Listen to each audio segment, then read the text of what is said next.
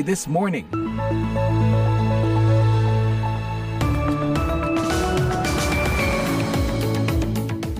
Selamat pagi, welcome to VOA This Morning yang kami siarkan live dari Studio 17 VOA di Washington DC bersama saya Rifan Dwi Astono. Apa kabar?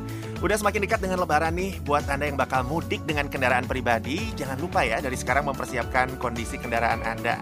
Dan yang nggak kalah penting, kondisi kesehatan Anda sendiri tentunya ya. Semoga persiapannya lancar deh. Nah, dalam edisi hari Kamis, tanggal 13 April 2023 ini seperti biasa redaksi VOA sudah menyiapkan serangkaian berita hangat untuk Anda. Di antaranya, Parlemen Ukraina bertemu dengan anggota Parlemen Eropa untuk membahas kemungkinan Kiev bergabung ke blok tersebut. We know the process will not be easy. As representatives of the Kami tahu people- prosesnya tidak akan mudah. Sebagai perwakilan rakyat, Anda memiliki peran dan tanggung jawab untuk menjelaskan kepada warga Ukraina mengenai perlunya reformasi. Kasus dua perempuan pemandu karaoke yang dipersekusi dan diceburkan ke laut di Sumatera Barat dianggap sebagai praktik fanatisme agama dan misoginis. Persekusi yang disertai dengan mengarak perempuan yang telanjangi merupakan sikap misoginis yang tak pantas di masa sekarang. Apalagi peristiwa ini dilakukan di depan publik. Jangan lupa siaran ini juga bisa Anda simak secara live streaming di situs kami www.voaindonesia.com atau dengarkan kapan saja melalui podcast VOA This Morning di platform podcast langganan Anda. Sekarang kita simak ber- berita dunia bersama Sharon Sumola.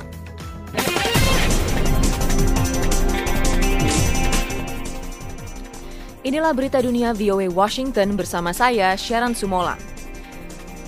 Pada hari pertama kunjungan Presiden Joe Biden ke Irlandia Utara, Rabu kemarin, ia mengatakan bahwa dirinya berharap adanya pemulihan untuk pembagian kekuasaan pemerintahan Irlandia Utara.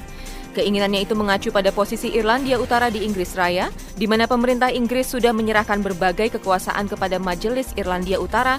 Dengan transfer kekuasaan ini bukan pembuat kebijakan di London, melainkan politisi lokal yang membuat keputusan-keputusan penting.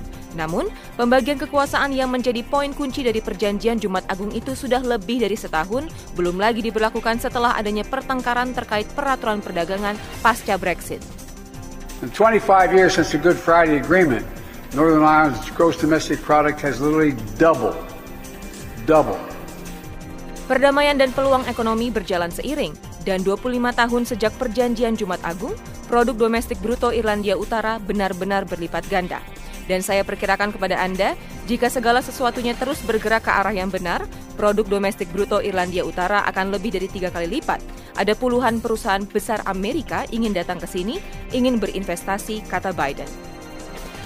Para terdakwa yang diadili dalam serangan di Brasil 2016 silam pada hari Rabu menceritakan kemarahan yang mereka rasakan atas pengeboman terhadap kelompok negara Islam ISIS oleh koalisi internasional. Sembilan terdakwa kini diadili atas serangan bom bunuh diri pada 22 Maret 2016 yang diklaim oleh kelompok jihad itu yang menewaskan 32 orang di bandara Brasil dan kereta bawah tanah di kota itu. Para penyelidik yakin sel ISIS di balik serangan itu terkait dengan kelompok yang melakukan serangan di Paris pada November 2015 yang menewaskan 130 orang. Sofian Ayari, yang telah dijatuhi hukuman 30 tahun penjara dalam serangan di Paris, berperang di pihak ISIS pada tahun 2014 sebelum terluka dan dirawat di kota Raqqa, Suriah. Dia mengklaim para pemimpin barat tidak mempertimbangkan nyawa manusia di wilayah ISIS. The voice of America. Dalam sejarah, setiap wali kota New York selalu berjuang keras memberantas tikus. Tetapi wali kota Eric Adams memfokuskan perang melawan tikus dengan menunjuk Kathleen Corrady sebagai direktur mitigasi hewan pengerat yang pertama yang pernah ada. Corrady dijuluki sebagai Rat Tsar atau Raja Tikus. It is expensive enough to live in the city with our families and children. We don't need outside tenants like rats in our homes terrorizing us every day. Kami sangat gembira hari ini karena kami telah menemukan si Raja Tikus dan ia akan fokus untuk memulihkan kehidupan warga kota New York. Kita semua ingin memperbaiki kualitas kan? Cukup mahal tinggal di kota ini tanpa keluarga dan anak. Kita tidak membutuhkan penyewa lainnya seperti tikus yang meneror kita setiap hari. Jadi, izinkan saya menjadi orang pertama yang memperkenalkan The Red Star atau si Raja Tikus, Kathleen Corrady. Kantor Jaksa Agung Meksiko mengatakan telah melancarkan penyelidikan kriminal terhadap kepala Badan Imigrasi Negara itu sehubungan dengan kebakaran di sebuah fasilitas penahanan imigran yang menelan banyak korban jiwa bulan lalu. Sebuah pernyataan yang dirilis selasa malam mengatakan Kepala Institut Imigrasi Meksiko atau INM Francisco Garduno telah gagal mengambil langkah-langkah untuk mencegah kebakaran di fasilitas penahanan migran di kota Ciudad Juarez pada 27 Maret lalu yang menewaskan 40 migran. Kejaksaan Agung mengatakan mereka mengetahui masalah di fasilitas-fasilitas penahanan migran setelah seorang migran tewas dalam kebakaran di pusat penahanan lain tahun 2020. Pangeran Harry akan menghadiri penobatan ayahnya Raja Charles III di Westminster Abbey pada Senin 6 Mei 2023 mendatang, seperti dikonfirmasi oleh pihak Istana Buckingham pada Rabu kemarin. Pernyataan itu sekaligus mengakhiri spekulasi yang beredar akan kehadiran putra bungsu Raja Charles III dengan mendiang Putri Diana itu. Pihak kerajaan juga menuturkan bahwa istri Harry, Meghan Markle, akan tetap tinggal di California bersama dua anak mereka, Pangeran Archie dan Putri Lilibet. Tanggal penobatan tersebut bertepatan dengan ulang tahun putra sulung mereka. Harry akan datang di tengah keretakan yang terjadi dalam keluarga kerajaan Inggris, didorong oleh keputusannya membeberkan berbagai rahasia keluarganya dalam bukunya Spare. Salah satunya adalah soal percakapan pribadi antara dirinya dengan ayahnya dan kakaknya Pangeran William. Demikian berita dunia, VOA Washington.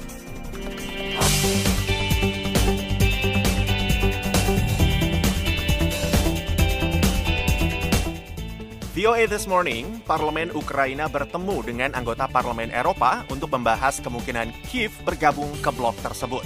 Pertemuan yang dijuluki Interkomite itu dilakukan secara virtual. Dalam pertemuan antara Parlemen Eropa dan Parlemen Ukraina Rabu, Presiden Parlemen Eropa Roberta Metsola berharap negosiasi aksesi atau proses bergabungnya Ukraina ke blok dapat dimulai tahun ini. We know the process will not be easy. Kami tahu prosesnya tidak akan mudah. Sebagai perwakilan rakyat, Anda memiliki peran dan tanggung jawab untuk menjelaskan kepada warga Ukraina mengenai perlunya reformasi yang sering kali berdampak luas dan menyakitkan dan semakin sulit pada masa perang. Berbicara dari Kiev, Ruslan Stefanchuk, Ketua Parlemen Ukraina, mengatakan negaranya memilih jalan menuju Eropa. Russian invasion has changed the life of every Invasi Rusia telah mengubah kehidupan setiap orang Ukraina secara dramatis. Namun demikian, kami selalu mengingat nilai-nilai dan tujuan kami. Kami memilih jalan menuju Eropa. Itu pilihan kami pasti baik tentara Rusia maupun tank atau misil mereka tidak akan menghentikan kami. Sementara itu, Majelis Tinggi Parlemen Rusia pada hari Rabu dengan cepat menyetujui rancangan undang-undang yang akan memungkinkan pihak berwenang mengeluarkan panggilan elektronik untuk wajib militer dan tentara cadangan di tengah pertempuran di Ukraina. Ketua Dewan Federasi Rusia, Valentina Matvienko berbicara setelah pemungutan suara yang menyetujui rancangan undang-undang tersebut. Ada kebutuhan yang sudah lama tertunda untuk RUU ini. Kantor wajib militer adalah salah satu dari sedikit badan yang belum melakukan digitalisasi. Kementerian Pertahanan telah mengerjakan pengembangan pendaftaran militer yang ditautkan ke situs web Gosus Lugi atau tempat surat panggilan elektronik kepada wajib militer akan dikeluarkan. Pemungutan suara Dewan Federasi Rusia itu adalah langkah terakhir yang diperlukan sebelum rancangan undang-undang tersebut diserahkan kepada Presiden Vladimir Putin yang diharapkan segera menandatanganinya menjadi undang-undang. Anggota parlemen di Majelis Rendah Rusia, Duma, mengesahkan rancangan undang-undang itu pada hari Selasa. Perundang-undangan tersebut diloloskan melalui jalur cepat sementara militer Rusia sedang mempersiapkan serangan balasan terhadap Ukraina yang menurut Ukraina dan sekutu baratnya dapat dimulai dalam beberapa minggu. Aturan dinas militer Rusia saat ini mengharuskan pengiriman pemberitahuan secara langsung untuk wajib militer. Dan di bawah undang-undang yang baru, pemberitahuan yang dikeluarkan oleh kantor wajib militer lokal masih akan terus dikirim melalui pos, tetapi panggilan itu akan dianggap sah sejak saat panggilan tersebut diunggah di portal negara untuk layanan elektronik. Penerima panggilan yang tidak hadir akan dilarang meninggalkan Rusia, ditangguhkan surat izin mengemudinya, dan dilarang menjual apartemen atau aset lainnya. Dari VOA Washington DC, saya Leona Triono.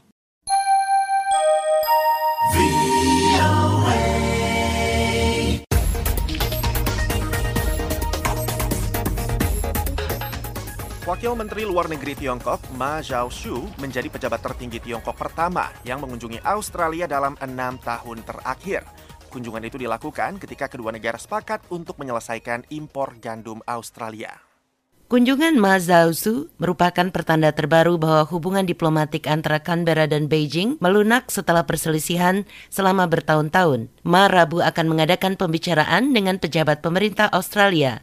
Ini merupakan kunjungan pertama pejabat senior Tiongkok sejak hubungan bilateral mulai memburuk pada 2017 karena meningkatnya kekhawatiran tentang dugaan campur tangan Tiongkok dalam urusan dalam negeri Australia. Ketidaksepakatan lebih jauh terjadi terkait Taiwan, kebebasan navigasi di Laut Cina Selatan yang disengketakan, dan asal mula COVID-19.